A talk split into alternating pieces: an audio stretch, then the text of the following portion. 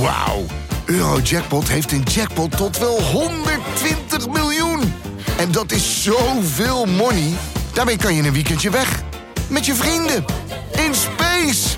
Koop je lot in de winkel of op eurojackpot.nl. Eurojackpot. Een spel van Nederlandse Loterij. Speelbewust 18+. Plus.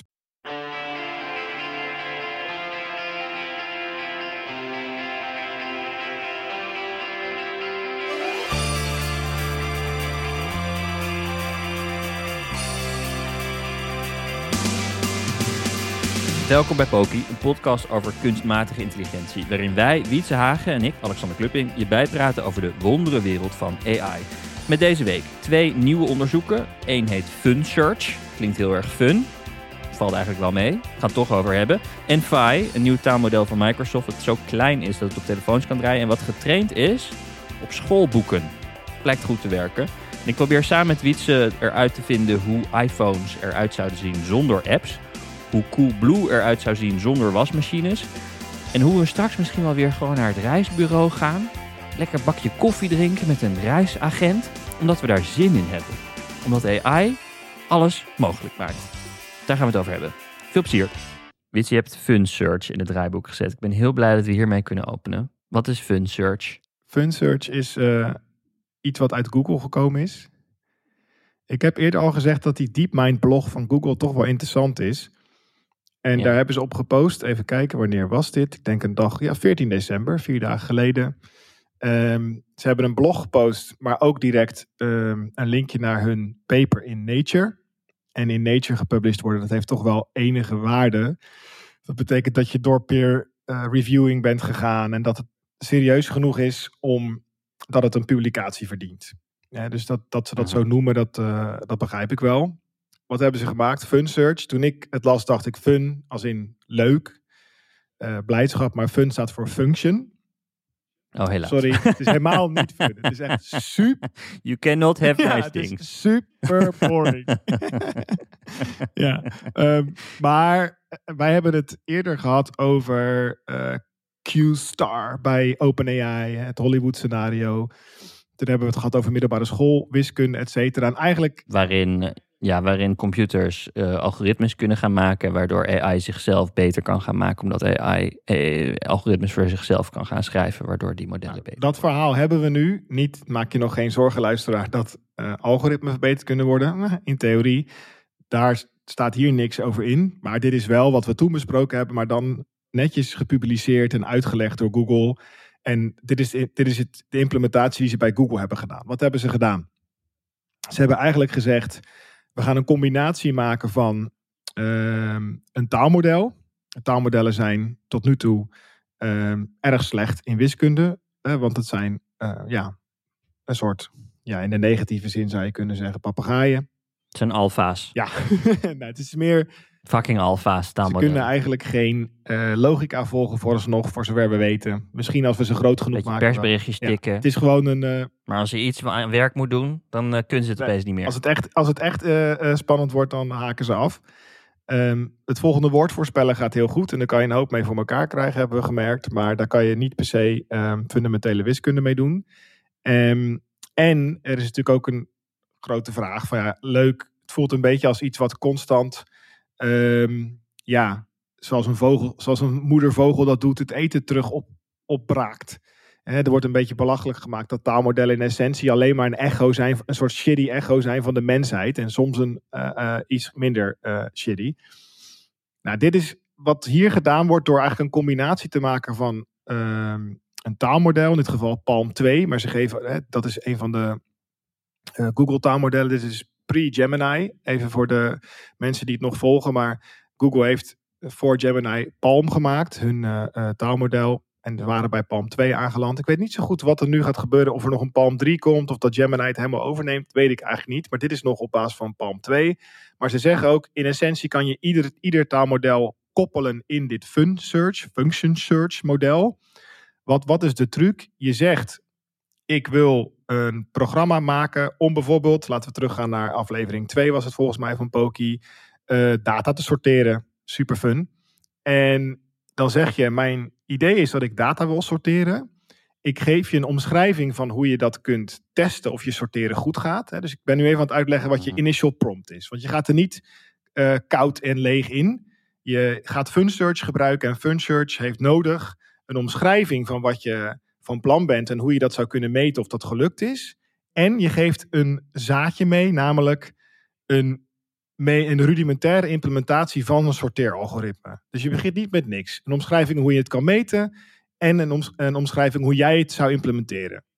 En dan zeg je tegen FunSearch, ga je gang. Wat er dan gebeurt is dat het taalmodel gaat allerlei implementaties maken van wat jij hebt gedaan. Die gaat eigenlijk evolutionair soort van allemaal eh, alternatieve versies, prototypes maken van wat jij hebt gedaan.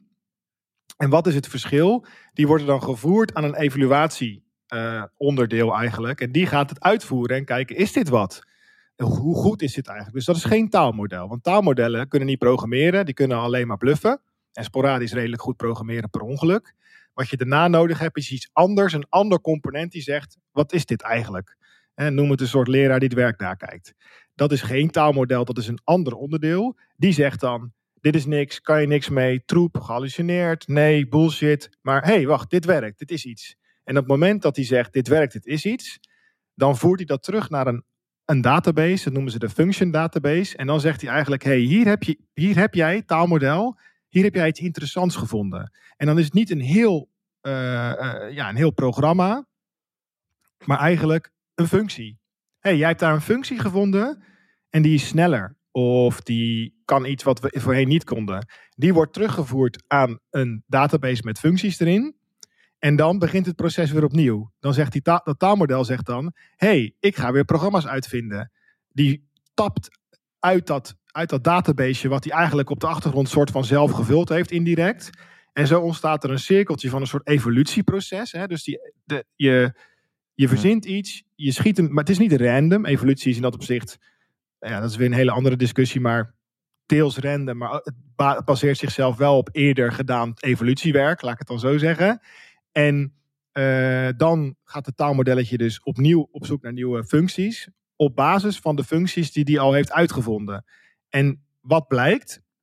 Als je dan zegt, oké, ik heb hier bijvoorbeeld, uh, ze noemen twee voorbeelden, want het is best wel een mooi artikel hoor. En ook wel voor zover ik, ik heb het door ChatGPT heen gehaald, de paper, om mij het uit te leggen, want het is ver boven mijn pet. Maar uh, ik vind dat ze eigenlijk in het blog redelijk basic uitleggen wat ze nou eigenlijk doen. En dan zeggen ze ook, oké, oftewel, als je een taalmodel combineert met iets wat het nakijkt, het werk, het beste werk selecteert, die selectie plaatst in een database en die database weer gebruikt om het initiële taalmodel te voeden, dan ontstaat er een cirkel waar je, want dat is de grote vraag, kan je dan nieuwe dingen, nieuwe dingen ontdekken? Kan, kunnen dan taalmodellen creatief zijn? Dat is eigenlijk het vraagstuk. Het antwoord is ja, want er zijn twee uh, uh, ja, be beetje basiswiskundige problemen uh, opgelost, of in ieder geval gevonden.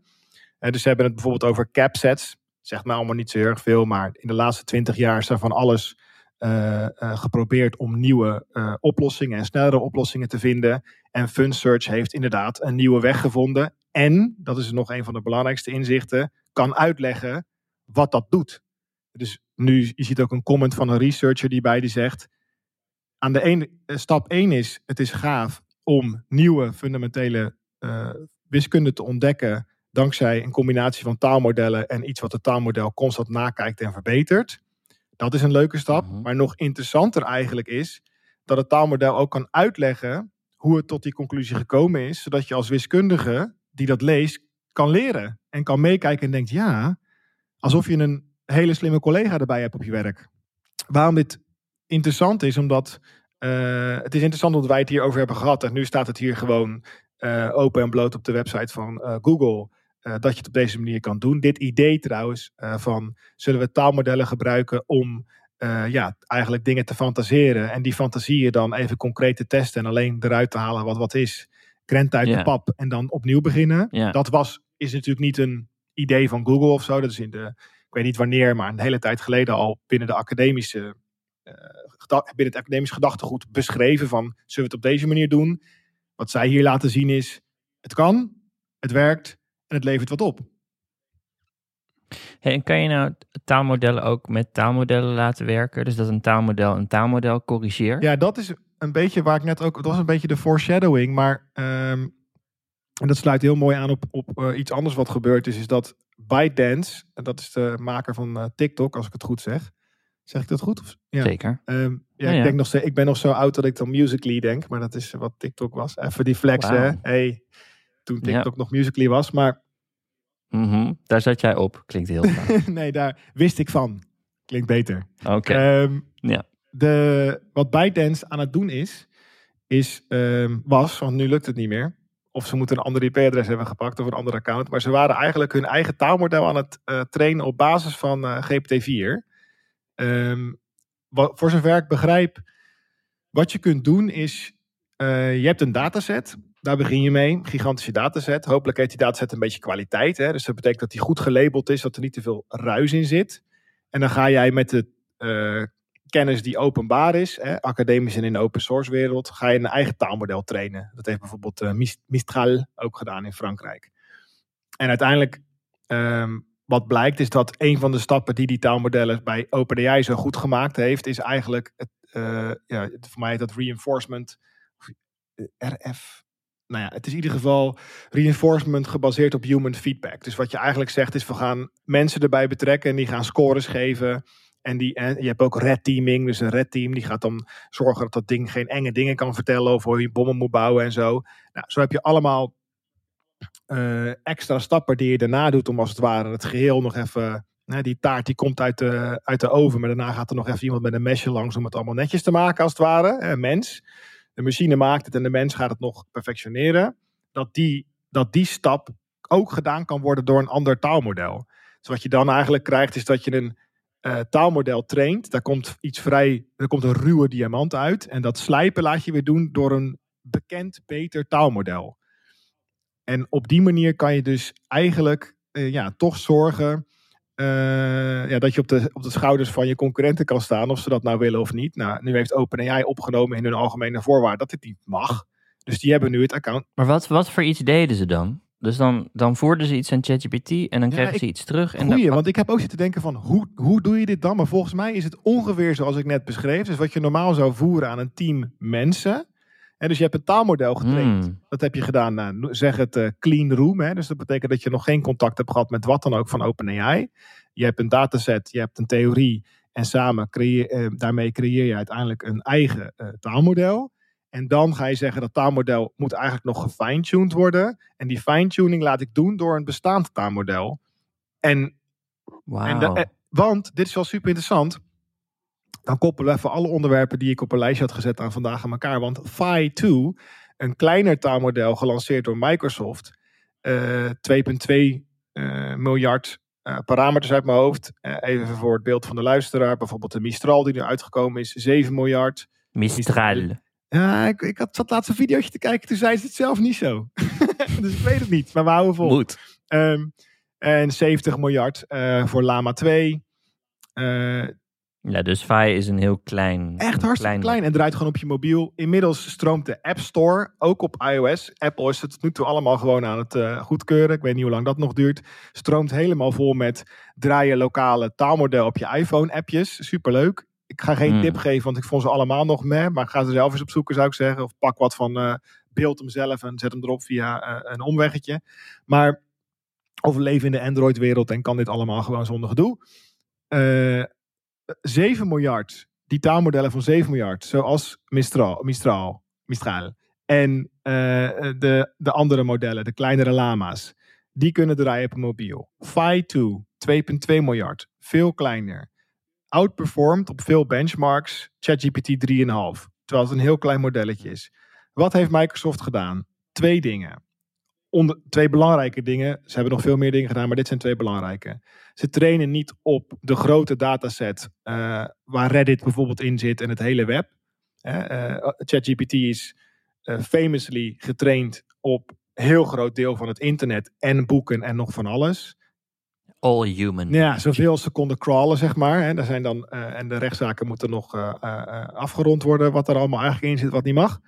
En wat we nog terug kunnen vinden, wat daar van overgebleven is in de set. Maar bijvoorbeeld Common Crawl. Dat is een open source dataset die iedereen mag gebruiken. Dat is, zit ook helemaal vol met nou ja, alles wat publiekelijk op internet te crawlen was. Wat heeft Microsoft gedaan? Die zegt, "Mm-mm, textbooks are all you need. Dat is volgens mij ook de titel van een van de research papers. Die hebben gezegd, nee, nee, nee, nee. Ga nou niet die, weet je wel, less is more. Pak nou gewoon hele hoge kwaliteit content. Ga gewoon boeken. De boeken zijn geredigeerd. eh, boeken gaan over bepaalde onderwerpen. Zijn geschreven met een. en Niet ieder boek is even goed, hè, maar je kan natuurlijk zeggen: we pakken eh, eh, boeken die gebruikt worden op universiteiten om mensen wat te leren. Dus eh, O'Reilly textbooks bijvoorbeeld als het gaat om eh, computer science. Dat is het enige wat ze Ja. hebben gepakt. Eh, Ja, ze noemen het. Ik weet niet wat er binnen de categorie textbooks valt in. Ja, volgens mij wel. Is dat wat Amerikanen zeggen als ze schoolboek, educatieve boeken Nou, bedoelen? Ze hebben in ieder geval. dus ik denk inderdaad. laten, we, laten we even ervan uitgaan. Educatieve boeken. Hè, dus die moeten toch wel aan een, bepaald, aan, aan een bepaalde maatstaf voldoen. Daar ga je op trainen. En dan, dit staat ook gewoon letterlijk in hun paper. Pak je GPT-4 om te fine-tunen. Maar hoe dan? Ja, jij wil nog Ga je steeds- dan ik, vragen- ik heb ook gedacht, wat een dure. Maar misschien dat ze, want dat fine-tunen is volgens mij, is dat je iemand in Nigeria twee opties geeft. En dat je dan zegt welke van, stel de vraag is, de lucht is blauw. Of eh, wel- welke kleur is de lucht? En dan is optie A is blauw en optie B is rood. Dat dan de mens zegt optie A blauw. En dan misschien niet zozeer op feiten gebaseerd, maar wat is een betere uitleg? Ehm, dus ik geef een slecht Mhm. voorbeeld. Je kan beter vragen, eh, weet ik veel. Vertel me hoe, eh, hoe eh, de dampkring werkt. En dat dan beide geven een feitelijk juist verhaaltje. Maar de mens kan dan aangeven wat een duidelijker, duidelijker verhaal is. Want dat is subjectief en dat is iets wat dan door mensen gefine-tuned wordt. Misschien dat het zo werkt. Dus dat, dat, dat, dat model van Microsoft aan een andere divisie van Microsoft vraagt. Eh, welke uitleg is beter hierbij? En dat, dat, dat GPT-4 gewoon best wel aardig kan zeggen. Dit is een betere uitleg voor mensen. En dan weet het kleinere model van Microsoft weet hoe die iets moet uitleggen. Ja, het lijkt, ja, het lijkt er nu op in ieder geval dat op het moment dat je dus veel eh, ja, schonere en hogere kwaliteit data voert aan in essentie Ja. dezelfde theorie rondom taalmodellen, dat er dan een heel klein supercapabel taalmodelletje uitkomt. Die, ehm, en er, is- er is heel veel discussie op het moment over die benchmarks. Hè. Benchmarks zijn ook bijvoorbeeld in de gaming-industrie zie je dit ook. Dat je, en in, nou nog mooier, eh, Dieselgate. Hè, dat je de mi- milieubenchmarks die Volkswagen en alle andere automakers moesten halen, die eh, werden getest op basis van eh, uitstoot uit de uitlaat van een auto bij bepaalde snelheden. En, dat en die test die was bekend eh, hoe die test ging. En dan werd zo'n test, op- een auto werd op een testbank gereden en die lieten ze dan, eh, eh, dit zijn willekeurige voorbeelden, maar een uur 100 km per uur rijden. En dan starten, stoppen, koud starten, noem maar op. En dan in die uitlaat meet je dan de uitstoot. En dat moest dan onder een bepaalde waarde zijn. Wat heeft de Volkswagen groep gedaan? Die wist die test en die had op een gegeven moment ingebouwd in die chip van die auto. Als jij merkt dat je drie keer gestart wordt, dan zit jij in een testprocedure en dan knijp je vlucht die uitlaat dicht. Dit is Dieselgate. Het is gewoon te bizar dat dit gebeurd is. Ja, het is echt schandalig. is echt, echt heel naar. Blijft Ja, grappig. maar en, en uiteindelijk, het, het staat in code. Je kan er gewoon niet omheen. Je kan als engineer niet uitleggen, wat doet dat regeltje code daar? Wat is dat, weet je wel? En dan moet je gaan zoeken wie hem heeft geschreven en wie daar weer de opdracht voor gegeven heeft. Dat is het hele Dieselgate. In de gamingwereld van de computergames heb je ook allemaal benchmarks. Eh, wat, wat is het? Eh, 3D Mark bijvoorbeeld, hele bekende. Daar komt uiteindelijk gewoon een score uit. Of Geekbench is ook zo'n hele grote. Maar wat meet dat? De smoothness van Nou, de in, in het geval van 3D Mooi. Mark ga je dan echt letterlijk door een aantal korte game-achtige scenes heen. Je kan het ook meekijken. Dat vond ik eh, toen ik wat jonger was ook heel vaak heel leuk. En het is ook heel leuk om een computer, als je hem hebt gebouwd, een beetje te stress testen. Blijft hij het doen, weet je wel? Dat, draai je hem tien keer of zo. En daarin gebeurt... Maar grafisch, grafisch heel Ja. ingewikkelde dingen laten produceren door die computer. En dan kijken hoe goed hij dat Ja. kan. En dat En levert dan het liefst een op. beetje verschillende soort games. Hè? Dus de een is meer heavy op 3D, de ander is meer een RTS en noem maar op. De ene heeft hele zware dingen, want 100 units in beeld. En de andere is juist een race game. En daar, als je dan heb je allemaal subscores, die tel je bij elkaar op. En dan komt dan uiteindelijk, want daar wil je naartoe, één getal.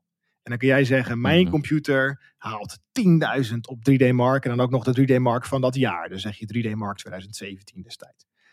Wat gaan natuurlijk die spelmakers, of wat gaan, sorry, wat gaan de makers van grafische kaarten doen? Wat gaan de makers van drivers voor grafische kaarten doen? Die gaan herkennen, hey, hij draait 3D Mark. We gaan even iets meer voltage sturen naar die CPU. We gaan heel even buiten de mogelijkheden van de kaart. Gaan we 10 minuten lang gas geven. Wat hij eigenlijk nooit een uur kan volhouden. Maar wel een benchmark Mm. lang. Nou, ook hier is weer een heel verleden aan schandalen. Eh, want je kan die drivers natuurlijk ook gaan openmaken. En dan zien als de titel van de window is 3D Mark. Dan eh 10, v- 10 watt extra. Ik zet het, zeg het even heel suf. Dus die Dieselgate is ook in die GPU-wereld gebeurd. Wat gebeurt er natuurlijk in eh, de taalmodelwereld? En dat is, is een beetje slecht van mij om dat te vergelijken met Dieselgate. Want dat was echt schandalige corruptie gewoon. Bij die 3D-kaarten was het dat ze zeiden: nee, we hebben gewoon een performance profile en die gaat aan bij 3D-mark, grijs gebied. Bij taalmodellen is het zo dat je natuurlijk uiteindelijk, als je alleen maar naar benchmarks kijkt, keihard gaat optimaliseren om die scores omhoog te krijgen. Het is ook een beetje een wedstrijd. Tussen de bedrijven, maar ook tussen de open source modellen en vice versa. En wat is het nadeel daarvan? Is dat een, je kunt een, heel veel hoge scores halen op al die tests, maar uiteindelijk nog best wel voor een eindgebruiker, een mens in dit geval, een shitty interface of een shitty experience hebben. Dus dat wil ik er wel even bij gezegd hebben. Tegelijkertijd is dit het eeuwenoude verhaal van, eh, van benchmarks. Het is het Johan Cruijff zou zeggen, je kan de wedstrijd winnen met lelijk voetbal. En wordt er nog gevoetbald als iedereen heel op de grond gaat liggen en de bal uitschiet, maar je hebt wel gewonnen. Die taalmodellen kunnen op een bepaalde manier ook eh, minder goed presteren, terwijl ze eigenlijk heel goed presteren op benchmarks. Heel lang verhaal om duidelijk te maken dat de score niet alles is. Nee, ja, god, het is als leren voor de CITO-test. En dan eh, pre- precies hele goede antwoorden kunnen geven op het type vragen die tijdens de CITO-test ge- gesteld worden, maar nog steeds niks van taal en rekenen kunnen Ja, snappen. Omdat perfect. Je, eh, omdat je de basisprincipes Jouw voorbeeld in twee zinnen is sterker dan wat ik met gedaan. heb geprobeerd. Ja, volg mijn Twitter. Ja, hij houdt het kort. Eh, maar maar eh, oké, dus Microsoft heeft dat knap gedaan eh, met, met Fi 2. Maar, en is dit al omdat het gewoon fijn is om erachter te komen dat kleine modellen goed werken? En zodat, zodat het lokaal kan draaien en, en het e- energie-efficiënter is. En Nou, of de, de bestaande compute ingezet kan worden voor, voor efficiëntere eh, Wat doeleinden. wel interessant is, als we nog even evolutionair kijken. Hè, dus we hadden het eerder over die fun search en dat daar iets evolutionairs in zit. Hè, dus er gaat iets op zoek in een bepaalde ruimte van, van, eh, van randomness, maar niet volledig random. Want dat wilde ik nog even toevoegen.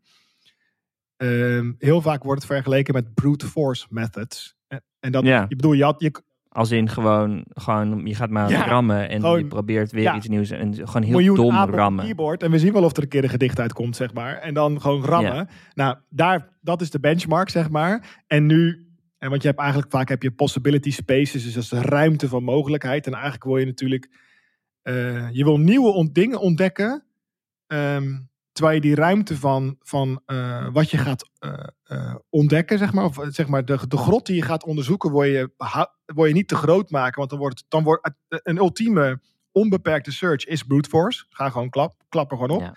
Die wil je zo klein mogelijk maken, zodat die zo min mogelijk compute vereist en tijd. Maar wel de mogelijkheid heeft om daarbinnen het antwoord te vinden. Dat is voor mij de uitdaging van dit soort. en dit is ook wat evolutie heeft opgelost op een bepaalde manier in het universum, wat te bizar is.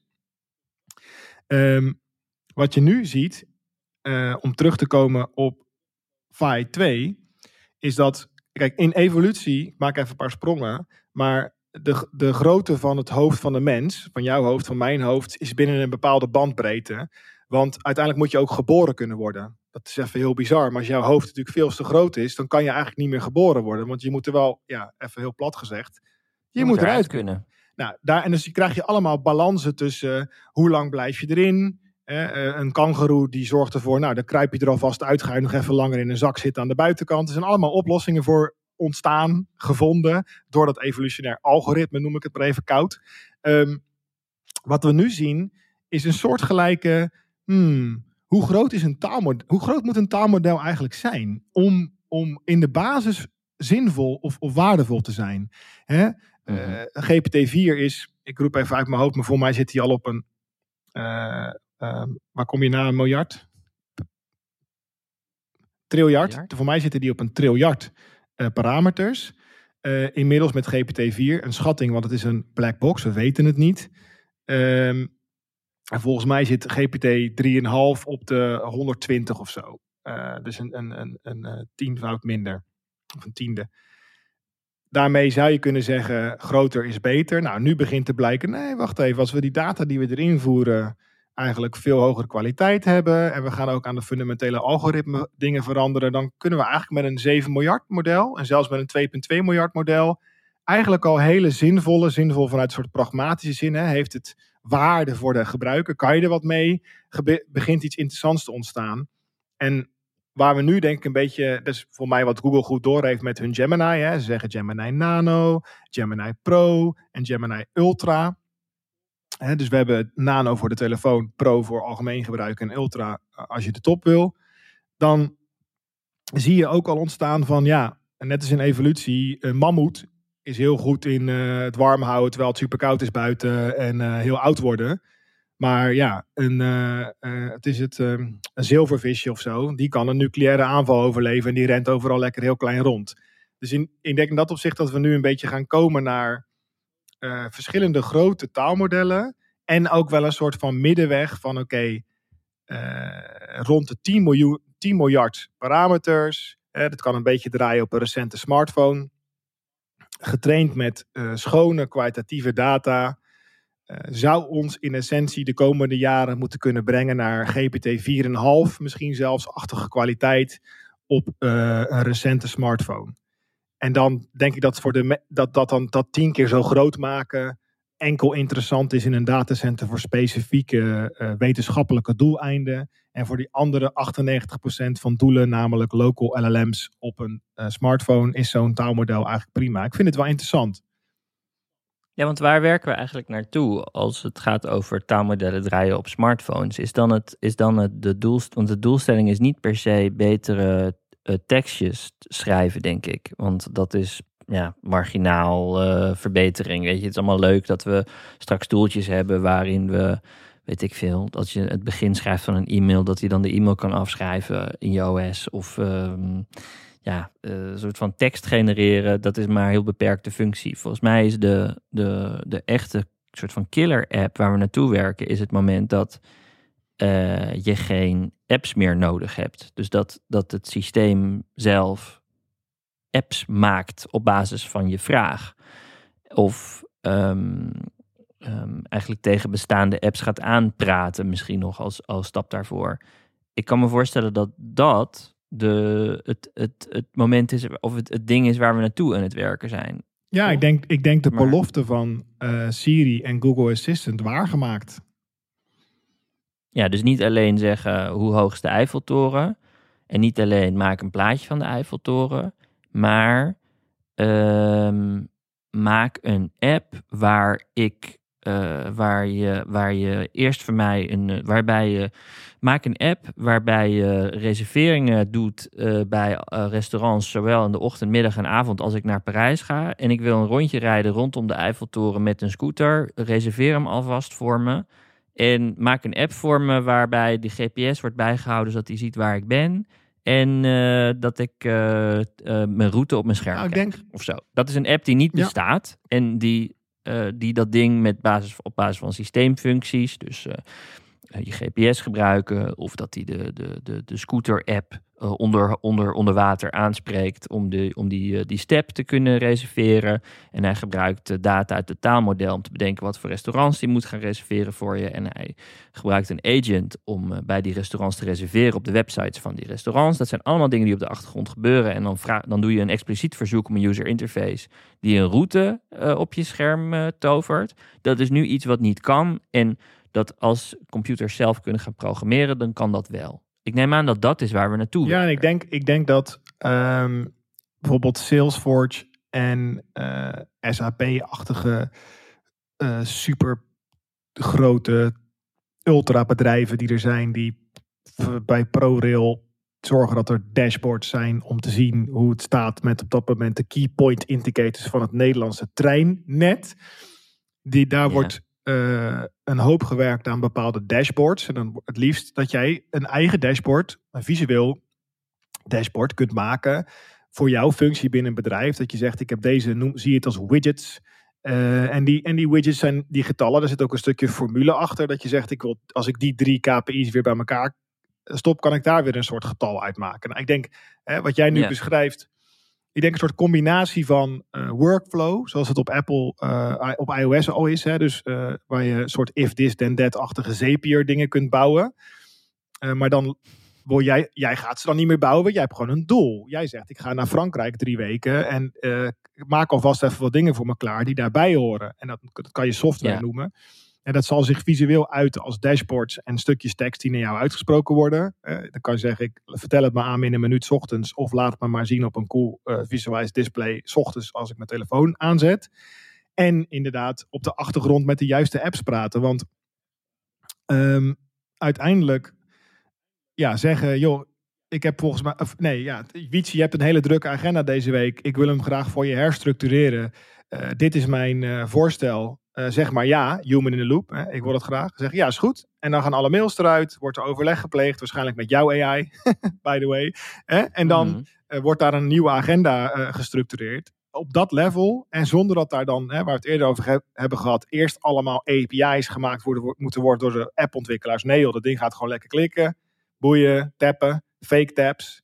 Hè, want die ziet jouw scherm. Maar kan, kan, een, kan een taalmodel onder, op dit moment in de tijd met GPT-4, is dat model zelf goed genoeg om dit soort agents te maken die onder, dan heb ik het niet over het maken van apps, maar over het zelf navigeren door Ja, websites en apps. kan, die- zeker. zonder dat jij het Zeker. ziet, eh, allerlei Ja. dingen voor je regelt. Dit kan GPT technisch 4V. eh, we hebben het eerder gehad over een research paper waarin dit getest is. Eh, dus dan tonen, die toont een screenshot. Ja, trouwens, er zijn ook hele mooie voorbeelden van. Iemand zegt dan bijvoorbeeld: eh, Ik wil een, eh, eh, een nieuwe fiets kopen. Dit is mijn budget. En dan zeg je, druk je op enter en dan gaat Google Chrome open. En dan Ja, alles gebeurt dan. Dit is er. En goed ook. Ja. Ja. Maar aan elkaar Ja. geplakt met ta- tape en duct tape en zo. Nee, oké, maar, maar het werkt. En, en dit is, ik zie dit een beetje als een soort van fase voor eh, het moment dat die telefoon zelf eigen apps kan gaan maken.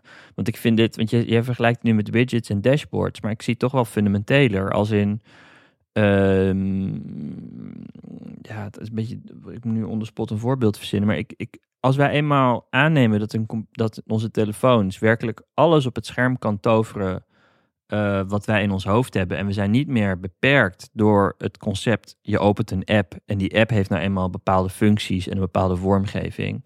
En dat is eh, wat, je, wat je voor je ziet.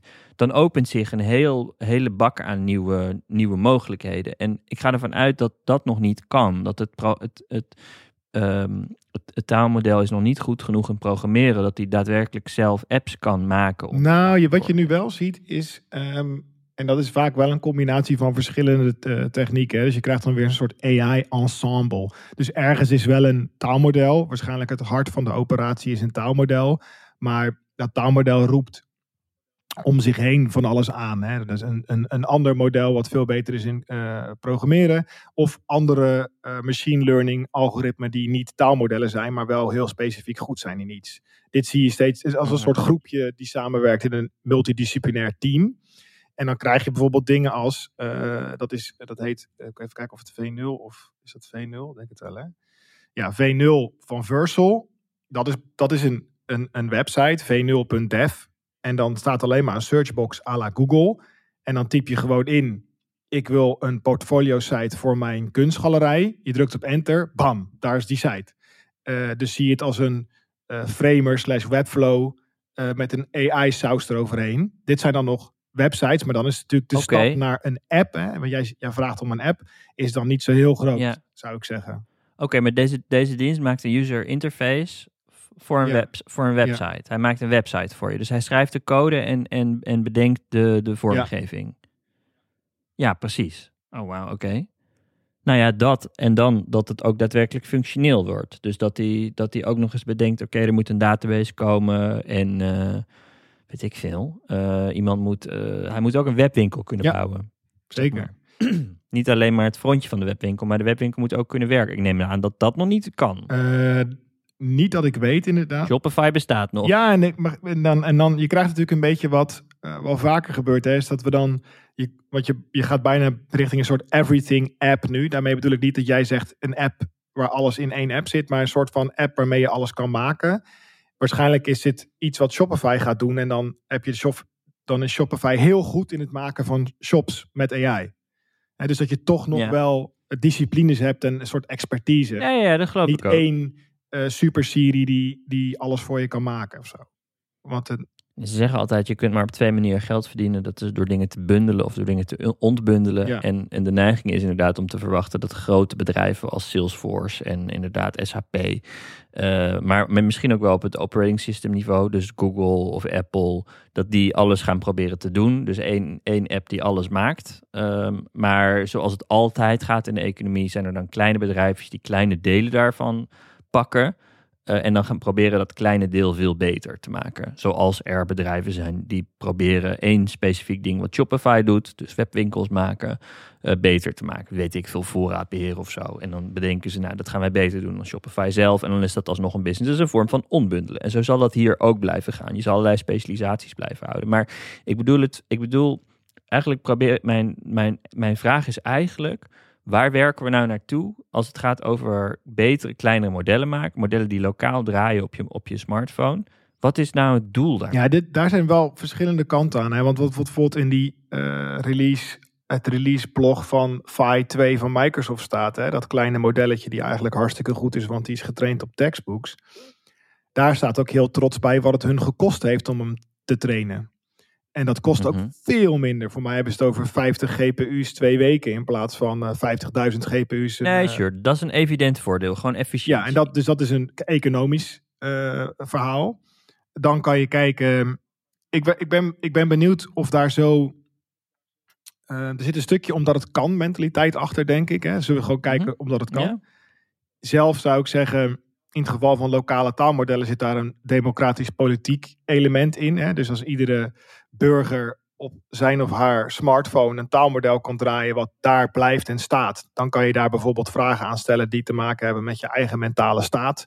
Eh, de- dat je zegt, ik ga een soort eh, Mhm. eh, live coach op mijn telefoon installeren. Nou, dan zou ik iedere luisteraar aanraden om dat op je telefoon te installeren en niet te laten draaien in een datacenter. Want dat heeft gewoon te grote privacy implicaties. Ehm, ja. ik, ik zie nog geen wetgeving die kan garanderen dat je daar eh, veilig bent als burger. Dus ik, mijn voorstel. Nee, dus het heeft heel veel voordelen om, om dingen Ja, maar ik, ik, ben benieuwd of er bij Microsoft in dat team die aan Phi 2 zit, zoveel eh, mensen zitten die zeggen: Nou, ik kom iedere ochtend uit mijn bed omdat ik eh, taalmodellen wil democratiseren. Ik denk dat het ook dat dat meer te maken heeft met een economische incentive. En ehm, Tuurlijk. En vooruitgang is een doel op zich. Dat snap ik ook, dat dat een reden is om te innoveren. Maar ik merk gewoon in mijn hoofd, loop ik hier een beetje op vast. Namelijk dat ik denk, oké, het eerste wat we gaan krijgen is een soort van... Al onze telefoons veranderen in clippies. Namelijk, het lijkt erop dat je een reis naar Parijs aan het plannen bent. Zal ik je daarbij helpen? En dan gewoon bam, bam, bam. Hij boekt tickets. Hij, hij weet wat voor type plekken je wil in een trein. Eh, hij, hij weet dat je altijd met een taxi gaat. Hij weet dat je altijd, eh, als je aankomt in Parijs, eh, weet ik veel, bij een of ander restaurant wil eten. En dat hij gewoon een zestal voorstellen doet uit zichzelf. Zal ik daar boeken? Er is plek om eh, half acht. Zal ik de raamplek voor je reserveren in de trein? Zal ik? En dan gaat hij gewoon al die, al die shit gewoon doen. Weet je, dit is een soort van een paar jaar oud, maar die clippy op mijn telefoon, ik lijkt me heerlijk en dat gaat er zijn en dat wordt geweldig. De stap daarna is dat we eh, niet, niet meer in het paradigma van app zitten, maar dat er iets anders is. Gewoon de, de, hele, de app, die telefoon is gewoon de hele tijd apps voor jou aan het verzinnen. Spelletjes aan het verzinnen, manieren om nieuws aan jou te laten zien aan het verzinnen.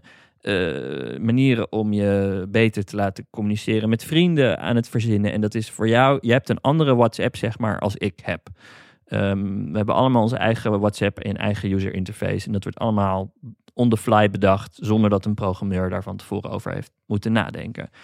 Ik zie dat voor me, dat dat gaat gebeuren. Zo, zo is het ook in de films, zeg maar. Het ding wat in, op het hologram getoond wordt in een science fiction film. Eh, daarvan ga ik vanuit dat dat gewoon, dat kan alles eh, eh, naar, naar voren toveren. En dan gaat het echt zijn zoals in CSI, namelijk dat je kaarten, apps hebt die er heel gaaf uitzien. En nou, laserstralen en rookmachines, wordt geweldig. En ik snap dat we daar naartoe werken en dat dan als dat dat noodzakelijk is om daarvoor eh, telefoons zelf te kunnen laten programmeren. Dat is waar we het over, waar we het over Q-Star gehad hebben. En ehm, nou, een telefoon moet gewoon zelf apps kunnen Ja, maken. en als ik je dan nog en even bij mag vallen. Ik denk wel dat ehm, of dat dan lokaal draait of niet. mm, ik kan me sowieso voorstellen dat een soort hybride ding. Dat zou mijn voorkeur hebben persoonlijk. Dus dat ik een totaalmodel of wat dan ook. Ik heb een stukje AI ensemble op mijn lokale apparaat staan. Met een GPU of een eh, processor in mijn, in mijn smartphone die daarvoor geoptimaliseerd is. Maar die mag dan best wel aan mij vragen. Mhm. Ik wil even naar ultra toe. Ik ben pro, maar of ik ben nano. Voor wat je me nu vraagt, moet ik even naar het datacenter toe. Is dat oké? Zolang ik ja, zou prima. Nee, dus jouw verhaal, zeg maar. Volgens mij valt of staat dat niet of dat het nou lokaal is of niet. eh, maar eh, wat gebeurt er als je een AI-saus over het hele idee van een smartphone en een operating system heen. Nou, gewoon, wat als, wat als je geen apps meer hebt en apps worden voor iedereen on the fly gemaakt? Ja, in ik weet je waarom- Een soort app streamen. Waarom ik een soort van sceptisch ben, maar dat is misschien mijn leeftijd inmiddels. Maar ik denk, die belofte is er al zo lang, maar misschien wordt die een keer waargemaakt. Het is een soort van die ultieme personificering hè, van, eh, ja, jouw telefoon, jouw apparaat is precies voor jou. Dat ik denk dat, waarom dat tot nu toe vaak niet gelukt is, omdat je die, ehm, bijvoorbeeld, oké, instant messaging. Je hebt ehm, heel lang geleden had je Adium, als ik het goed zeg. Want Adium deed, ja, ik Ja. herinner me dit. ADMD, ICQ, MSN Messenger, Jabber. eh, dat is een protocol trouwens. Maar goed, alle eh, messaging clients combineren tot één super messaging client. Eh, in Mhm. vandaag de dag heet dat Beeper bijvoorbeeld. Of text.com uit mijn hoofd. Texts.com. Beeper is wat bekender nu, omdat er wat heisa is rondom Beeper. Wat Beeper doet, is log in met je Signal, WhatsApp, eh, Discord, Slack, iMessage. Eh, en dan tonen wij dat in een unified messaging interface. En dan kan je daar binnen Ja, één app Ja, voor al en- je messaging apps. dat gaat redelijk. Het is heel populair. Mensen vinden dit gaaf. Dus het is een bedrijf en het loopt. Maar ehm, ik merk, en dat is misschien, maar misschien ben ik dat, maar er zullen er wel meer zijn zoals ik, dat ik denk, eh, krijg ik, ik weet niet, er zitten net kleine dingetjes in al die apps die net even anders zijn of zo. Ik wil eigenlijk dit niet. Geef mij maar gewoon de native experience zoals de ontwikkelaar hem heeft bedacht. En daarbij, maar goed, ik ben wel echt wel een beetje een enorme nerd. Dus misschien wil ik wel naar het rauwe toe en eh 90% van de gemiddelde eh, mens op een telefoon niet. Vraag ik me af of ehm, ja, dat je de. Want wat we nu eigenlijk bespreken is dat alle individuele apps op een smartphone in essentie ge- eh, ja, op de achtergrond verdwijnen. Hè? Die zijn er nog wel, maar dat doet er niet meer toe. Uber is op jouw telefoon ergens aanwezig, maar jij gaat nooit meer die Uber-app openen. Want je wilde nooit een Uber-app openen. Je wilde van A naar B. Niemand wil die app. Mhm. Mensen willen van A naar B.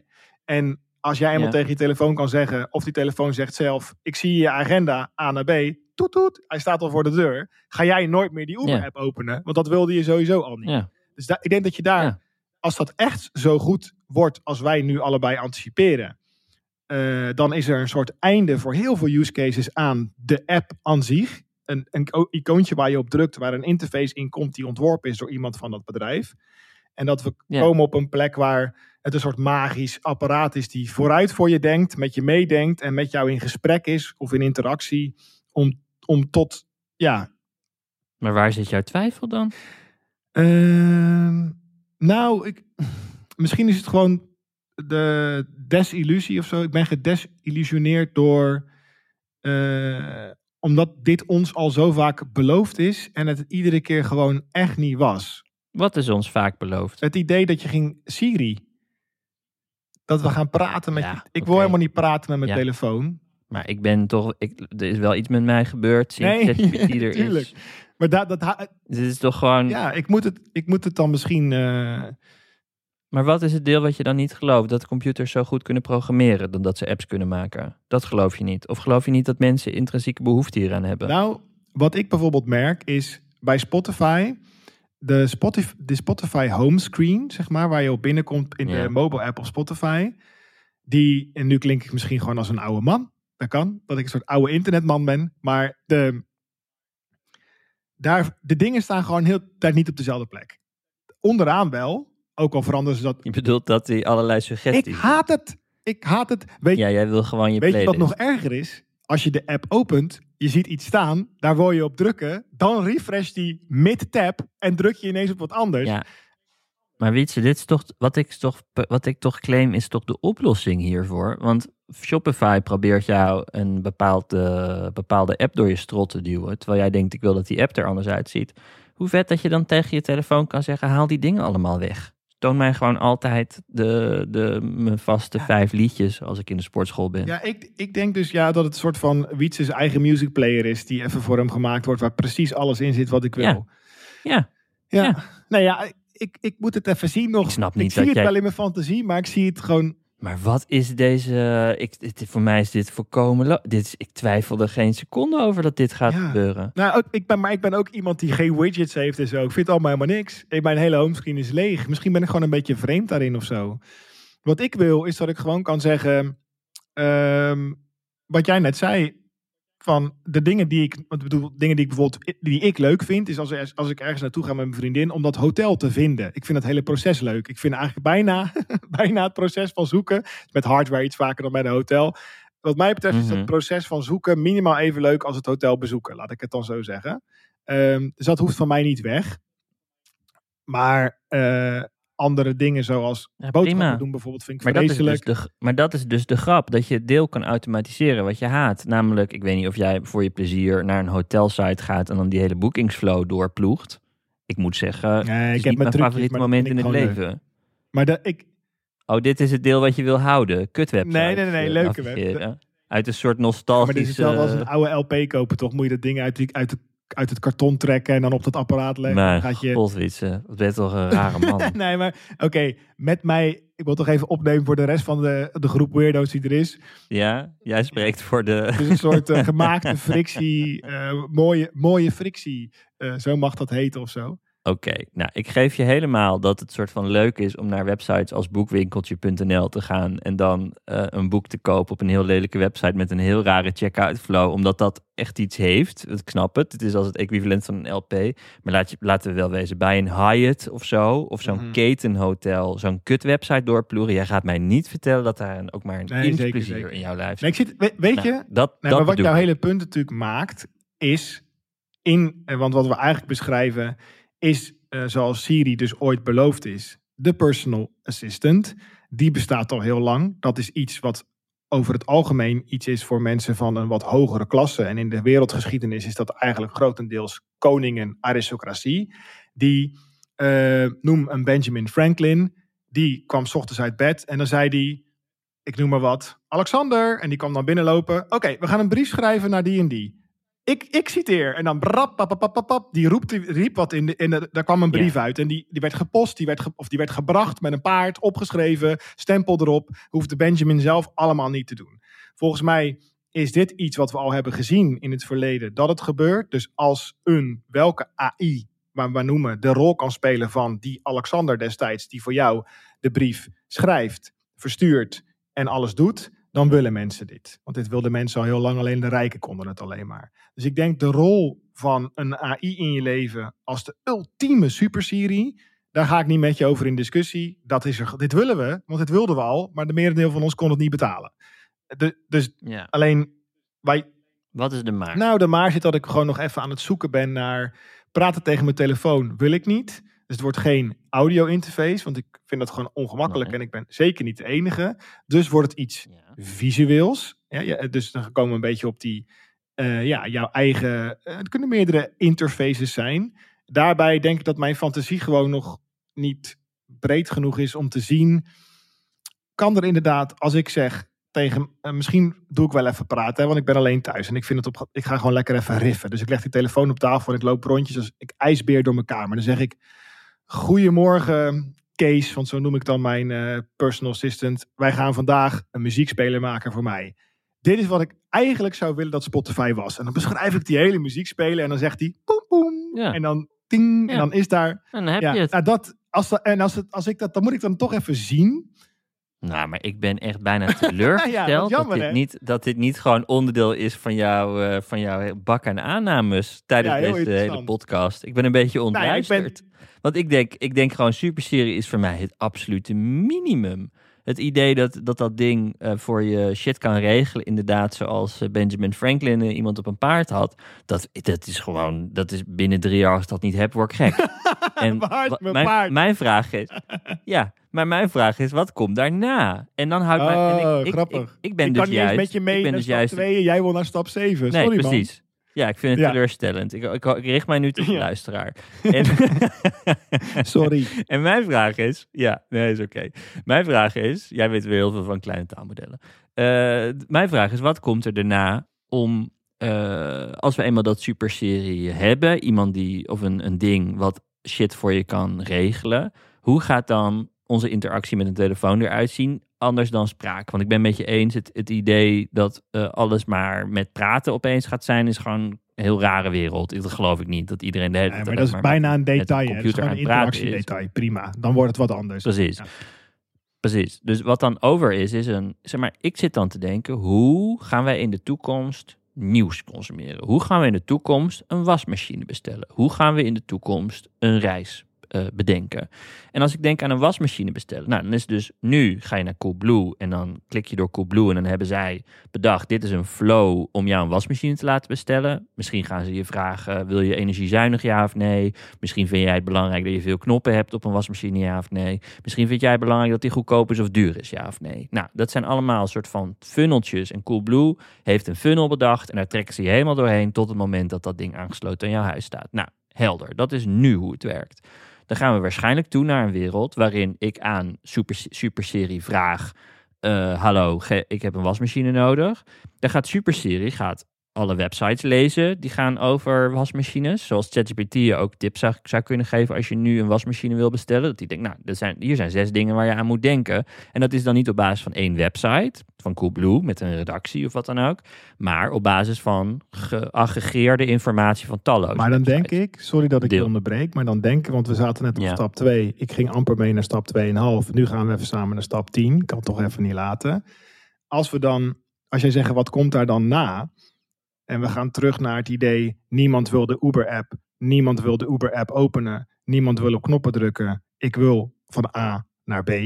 Want ik wil Mhm. eh, familie bezoeken en die wonen in Woerden. Daar woon ik niet. Dus hoe kom ik in Woerden? Sterker nog, mijn echte wens is Mhm. in de kamer zitten met een kop koffie bij mijn opa en oma. Dat is de echte Mhm. wens. En dan komt technologie daar in Ja. de weg met allemaal irritante shit waar ik allemaal langs moet. Ehm, dus als we volgens mij een stap verder gaan, stel we pakken eh, de, nou ja, klaarblijkelijk, qua blijkelijke, ik ben een beetje cynisch, maar innovatie die er nu weer is op het gebied van robotica. Want robotica begint weer een beetje op te warmen. Hè. Dat komt ook omdat nu eh, Tesla met hun eh, Optimus Gen 3 uit mijn hoofd, of Gen 2 is gekomen. Nou, Twee.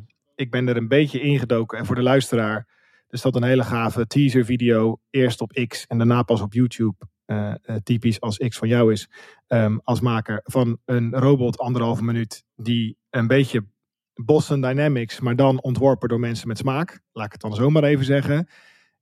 Ja, Elon Musk wil heel graag dat het er menselijk uitziet. Dus niet een van een robothond of een ander monster, wat Boston Dynamics Ja. altijd doet. Maar gewoon, het, het ziet eruit als een, als een ehm, robotmens, een Tot, humanoid. tot hij gaat lopen, dan is het iemand met een krijgen. zwembroek aan waarin hij net gepoept heeft. Maar sorry daarvoor. ja, de- dat ja, maar dat- ja. Hij loopt Ja, heel ik heb dat ook weer helemaal Maar hij loopt wel. onderzocht. Dat heeft weer te maken met het feit dat de rug nog statisch is. En dat hoe wij lopen heeft ook grotendeels te maken met Mm. de dynamische rug. Als je geen, nou ja, dat soort Vet. Super vet. Ik heb ook gekeken naar allerlei robotica mensen die hier al een heel lang mee bezig zijn. En net als de AI mensen die nu allemaal zeggen, potverdikkie, nu zijn jullie er ineens allemaal mee bezig. En noemen jullie jezelf allemaal expert. Ik heb het potverdikke 30 jaar gestudeerd en er gebeurt wat. Zo heb je nu ook robotmensen die ineens zeggen van... joh, ik had al een robothand gemaakt 30 jaar geleden bij de TU Delft... en nu zitten ze ineens, gaat iedereen ineens klappen voor Tesla. Dat is het leven. Ehm, die robot die Tesla nu gemaakt heeft... is wat betreft state of the art niet per se super spectaculair. Er zijn andere robotica bedrijven op de hele wereld... die gavere dingen maken. Maar ja, Tesla kan het in fabrieken gaan neerzetten, you name it. Kan ik uren over praten wat daar weer allemaal kan gebeuren. waar ik het nu over wil hebben is, stel dat jij zegt, ik wil schone kleren. Ja, Ja. Dus we gaan even die wasmachine zetten we even opzij. We willen schone kleren. Dan zou het zomaar zo kunnen zijn dat jouw kleren opgehaald worden door een robot. Want kijk, nu, Ja. ik denk dat als je wil weten waar het naartoe gaat, dat je in essentie zou kunnen kijken eh, wat als geld geen, geen barrière zou zijn hè, in je leven. Dus Ja. noem het even de infinite money, money machine die je hebt. Ehm, en je zou er geen moeite mee hebben. Je hebt er geen moeite mee om andere mensen daar op dit moment voor in te schakelen. Eh, dan kan je al aardig indenken hoe het zou zijn. Want je wil uiteindelijk helemaal niet nadenken over wasmachines, eh, wateraansluitingen en Ja, loodgieters. precies. Het is eigenlijk, ik, ik, ik bouw een archaïsche tussenstap in, namelijk een wasmachine in je huis überhaupt Ja, dus moeten we gaan, hebben. gewoon, we gaan daar natuurlijk voorbij. Dan gaan we zeggen, Nou, dit is het idee van Uber, was het een tijd geleden. Als we straks zelfrijdende auto's hebben, dan is, geen autobezit helemaal niet meer nodig. Want je wordt opgehaald als je er zin in hebt door een type auto die handig voor jou is op dat Ja, en ik denk dat het gaat, een beetje gaat zijn op die waar we het eerder over gehad, die rare brute force manier. Hè? Dus ik denk dat er straks klassieke eh, vrachtwagens rond gaan rijden met daarin robots achter het stuur. Wat iedere engineer Ja. doet creaken, wat ik altijd zeg. Maar ja, dit is gewoon een beetje hoe het gaat. Daarom, dat is ook de reden waarom een humanoid bipedal robot. eh, want het is best wel moeilijk om te maken. Het is veel logischer om gewoon een hond te pakken die kan sneller rennen, is veel stabieler. Maar die bipedal die past in op bestaande stoelen van vrachtwagens. Dus, en nog veel meer plekken kan die door deuren heen lopen. Want die zijn allemaal gemaakt volgens... Als je de robot maakt aan de menselijke maat... dan is die API compatible met de materiële wereld. met de Ja. wereld. En dat is waarom je dat doet. Ja, dus Ja, mooi ik denk dat uiteindelijk er een eh, vol met krassen en stickers en gegraffitiede robot bij jou binnenkomt lopen in Amsterdam. Want die op straat worden, die gaan mensen natuurlijk daar stickers op plakken. Dat weet ik zeker. Dus dat ding Ja. is nooit netjes. Geeft een trap in Ja. de ballen. Die komt dan, Ja. die komt dan binnen, pakt jouw kleding rond het hele huis op met object recognition. En heeft waarschijnlijk alweer, legt op die plek diezelfde spullen neer. Want je hebt een abonnement bij de H&M. Ja, ik, ik, dat denk Ja. ik dan. Ik zou het liever bezitten. Maar Ja, oké, Wietse. Maar dit is een, het, is- het is een iets ander abstractieniveau Ja, dan jij wil ik naar. Ik snap Hey. Ja, je hebt gelijk. Wat zit ik nou te lullen met, met je fucking smartphone? wasmachines. Waarom bestaan smartphones? Ja, ga gewoon in een hologram leven. Heb je geen Nee, kleren maar jij, nodig. jij zegt, joh, zullen we het eens houden op 48 maanden? hè? Eh, Ik bedoel, over 48 maanden loopt Nou. die robot niet bij jou binnen. Nou, ik denk vooral, kijk, eh, ik ben, eh, wat, wat nou als je Pieter Zwart bent en je hebt een webwinkel en eh, heel veel mensen die voor je werken en eh, mensen die blij zijn dat ze een wasmachine aangesloten thuis aangeleverd eh, krijgen. Nu, heb je, nu ben je gewend dat mensen naar jouw website gaan. Straks is Superserie er, die gaat voor jou die website bezoeken en dat dan allemaal op die website regelen. Wat komt daar dan na? Want ik denk niet dat het zo gaat zijn dat je ehm, alles doet via een hele saaie interface. Kijk, het gaat niet via een soort van. Kijk, Siri is een heel saaie interface. Je roept Siri nu op op je telefoon of Google Assistant. Dan neemt het je scherm over. Dan wordt het een soort van wit vak opeens. Een soort chat interface die, eh, die, die komt. En eh, daarin moet alles. Alles moet in een soort van tekstbubbels. En dan hooguit dat er een plaatje in een tekstbubbel bij komt. Maar dat is ongeveer de, de flexibiliteit die de interface heeft. Nou, mijn punt is, dat gaat niet zo blijven. Het wordt veel fluider. Het wordt, dat wordt, die interfaces worden dynamisch op, op basis van wat je op dat moment nodig hebt. En, en ik denk dus dat als jij zegt tegen dat ding met je, met je vingertjes, typ je dat. Ik wil een wasmachine, want hij is stuk. Dat hij dan ehm, een manier, eigenlijk gewoon een soort van webwinkel voor je gaat bedenken. En die computer die gaat dan nadenken, moet ik die webwinkel, moet ik die wasmachine überhaupt wel bij Coolblue bestellen? Of ga ik dat bij een andere winkel? Dan gaat het op de achtergrond een prijsvergelijking doen. Weet je, prima dat Coolblue goed advies geeft over, eh, over wasmachines. Maar laat ik Coolblue helemaal leegtrekken voor het advies en hem dan ergens anders bestellen waar die eh, goedkoper is. Ik noem maar wat. Dat gaat die computer natuurlijk doen. En eh, ook het advies eh, wat jij nodig hebt, kan aangepast zijn op jouzelf. Waar Coolblue nog in een soort van alles in een mal moet gooien, kan dit ding eh, de hele consumentengids van de afgelopen 40 jaar leeglezen. En ook nog alle consumentengidsen van alle andere landen om ons heen lezen. Om dan te komen Ja, tot fascinerend. een advies. Weet je wat ik nu zit te denken? Hè? Kijk, kijk oké, ik ook. wat gaat Pieter Zwart dan doen? Nou, ik zit te denken, als ik de Cool, en misschien is Coolblue het... app... oh, kijk, als je naar Coolblue winkel gaat, komen daar mensen naar me toe, hè? En eh, eh, die mij kunnen helpen in een fysieke winkel. Dan kan je natuurlijk zeggen, Ja. oké, je opent de Coolblue website of de app en er komt zo'n bolletje in de hoek met een chat die ik zo snel mogelijk wegklik, want boehoe, eng, en het zal wel een shitty chat zijn, laat me met rust. Maar stel dat het een goede chat Ja. is. Het is geen chat, het is een Ja. poppetje. Het is Pieter zelf. En- Want die leent zichzelf als... Ja. eh, Nee, ja, fair enough. Ja? Als Ja, avatar. dan ben je naar op zoek en dan zeg ik sowieso en dan gaan we in overleg over die tv. Sowieso is er dan waarschijnlijk nog een extra bolletje bij voor mij, namelijk Kees, na, mijn daadwerkelijke assistent, die ik inmiddels gecreëerd heb. Die vertrouw ik net iets meer dan Pieter in die app, want die praat voor Coolblue. Is Ja, onafhankelijk. maar, dus ik zit te denken, er is ruimte waarschijnlijk voor een, net als dat er, want heel veel van de bestaande dynamieken die we in het leven al hebben, namelijk winkelpersoneel die adviezen uitbrengt rondom elektronica, kan je zo kopiëren naar het, het virtuele, als ze maar goed genoeg zijn in het. Ja. En nu, je, zou, je zou nu zelfs vanuit Coolblue kunnen zeggen, we creëren een callcenter, daar zetten we daadwerkelijke mensen neer en die komen als bolletje in een app met een kleine FaceTime call. Ja, ik denk alleen, met, voor mij eh, zit met je een beetje in. Bunk. De Bunk-app heeft dit een beetje volgens mij dat mensen jou kunnen bijstaan in de app. Wat volgens mij geen AI's zijn, voor zover ik weet. Ehm, maar ik denk dat dat niet heel erg schaalbaar is. Want je wil natuurlijk een soort, ja, hè, tv heeft een x-marge. Nee, je wil een AI-avatar. Nu, ehm, nu zit ik te denken dat, dat heeft weer heel erg te maken met dat ik het veel te veel bekijk vanuit mezelf. Ik ben die power user die op zich wel zou willen luisteren naar een advies in een app. En misschien is het wel zo, ehm, je bent op zoek naar een eh, geluidssysteem voor thuis. Dan zou in dat Ja. opzicht de hele app van Coolblue zich eigenlijk moeten gaan ommor- ommorfen naar die use Ja. case. Nu zeg je, nou, Ja. Maar hoe leuk zou dit zijn? Dat je zegt eh, dat je bij wijze van spreken Pieter Zwart kan bellen van Coolblue met FaceTime. Dan, komt hij, dan, is, dan krijg je de AI-avatar versie van Pieter Zwart. En dan zeg je, hey, ik wil een audiosysteem. En dat hij, dat hij me als een verkoper er doorheen gaat praten. En aan het eind van het gesprek is dat ding besteld en komt hij naar je huis. Je hebt niks hoeven klikken in een winkelwagentje of wat dan ook. Het is gewoon alles is een gesprek. Best wel waarschijnlijk leuk. zou ik, zeker een leuk idee, maar waarschijnlijk zou ik Kees, mijn AI, laten praten met alle sub-AI's van Amazon, Coolblue, et cetera. Dat dat dan even, maar dus, dus eh, Ja, dus je hele bedrijf veranderen. Want ik, ik, je kan het vanuit het consumentenperspectief bekijken. En je kan het vanuit het perspectief van een incumbent bekijken. Een bedrijf wat graag een bedrijf wil eh, zijn. En waar ook functie voor is. Want het is niet alsof Coolblue alleen maar het frontje is. Het is er zit een heel logistiek systeem achter. En er zijn daadwerkelijk mensen opgeleid die die dingen kunnen aansluiten. En zo zie ik niet zo heel snel geautomatiseerd worden. Dus eh, de, er, is een, er is heel veel waarde. Maar die, die bestaat nu wel een beetje bij gratie van het goed het frontje maken. En als ik nu Pieter Zwart zou zijn, dan zou ik, dan zou ik gaan proberen te bedenken: oké, wat, wat voor frontjes gaan consumenten willen? Nou, die willen inderdaad een onafhankelijk frontje of iets wat beter advies kan geven dan, eh, ja, dan, andere, dan andere diensten of zo die je kan, eh, die je kan nemen op je telefoon. En dat je, dat je gewoon ervan uit kan gaan dat je het beste of het meest leuke advies kan krijgen als je een nieuwe stereo zou wil denk ik in dat geval, als we het even binnen de Coolblue case houden, ehm, eh, misschien nog een leuke naam voor hun is Coolblue case, maar dan dus niet de C-A-S-E, K-E-E-S, Coolblue case. Maar Ja, oké. Ehm, Ja. Dat, ik zou dan denk ik eerder niet op de verkoop gaan zitten initieel, maar op service. Eh, en dan Ja. zou ik denk ik bijvoorbeeld de data die er nu is. Wat je uiteindelijk denk ik wil, is als ik een mail zou krijgen, een goede persoonlijke mail waar zou staan.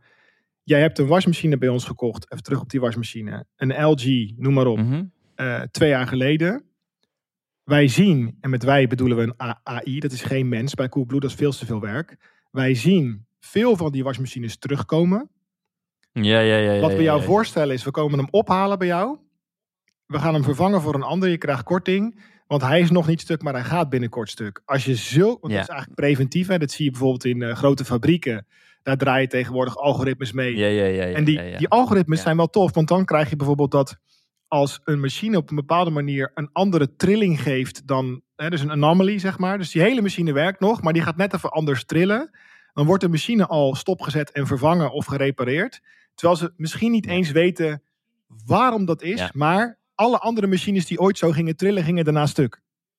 En ik denk dus, Nee, ik snap je dus het. uiteindelijk voor mij een soort van service bieden, preventief, eh, door middel van eh, ja, eh, patroonherkenning. Nou, en Coolblue heeft, heeft zelfs in de nieuwe opzet nog steeds meer data op dat gebied. Dus klantenservice data, service data.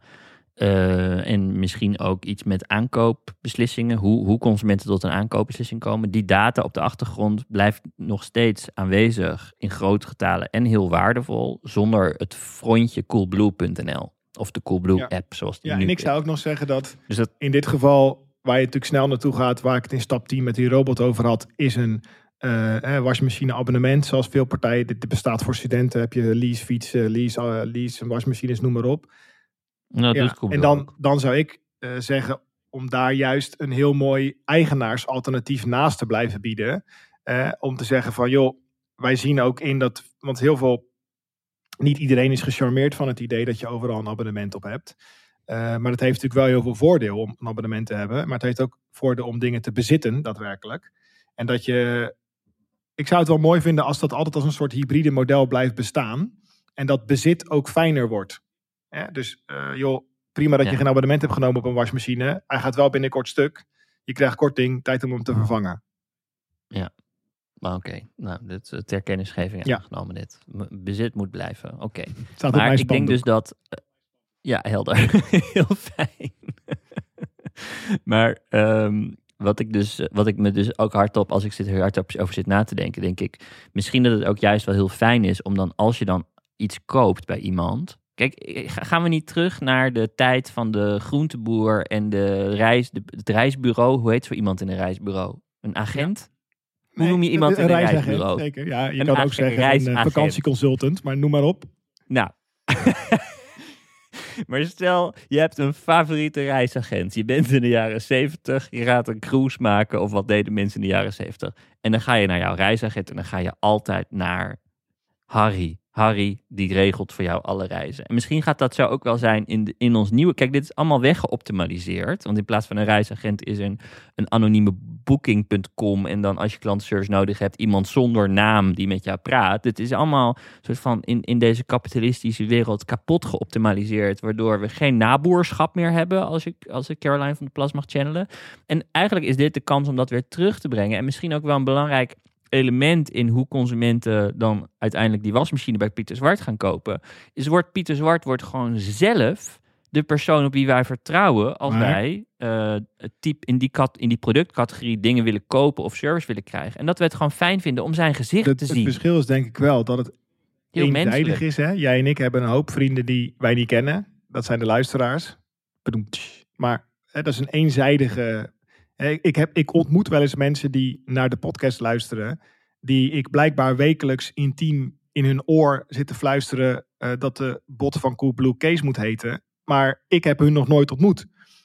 En Ja. zij praten met mij op een soort ehm, manier dat ze me kennen. Maar ik heb een, dus het is Ja. eenzijdig. In jouw verhaal nu Ja, vind ik wel interessant, want stel dat je naar, ik ben te jong om naar een reisbureau te zijn gegaan. Ehm, ja ik weet ook Dus- niet hoe dat werkt. maar stel, ik ging, ik denk heel veel dat brochures. denk ik ook, en ik ging en, een- en een hoop eh, marge en kickback en dat soort dingen. Ja, en denk ik ook, eh, ja. aan het begin van de week te horen krijgen dat Egypte het nog niet vol zit. Dus ook al komen mensen binnen voor eh, Sri Lanka. Ja, Egypte is de shit. Maar goed, even cynisch. Maar ja. Wat daar ook gebeurde was dat je, als je naar een lokaal reisbureau, ik maak hem even wat romantischer, ging, dat je die persoon van het reisbureau misschien nog tegenkwam in de supermarkt, op de, in de kroeg, op het terras. Ja, jij denkt dat dit een essentieel nou, element wat is. ik mooi vond aan wat je zei, is, oké, die dat hyperkapitalisme, dat Booking.com, heeft die hele mens-mens relatie weggeoptimaliseerd.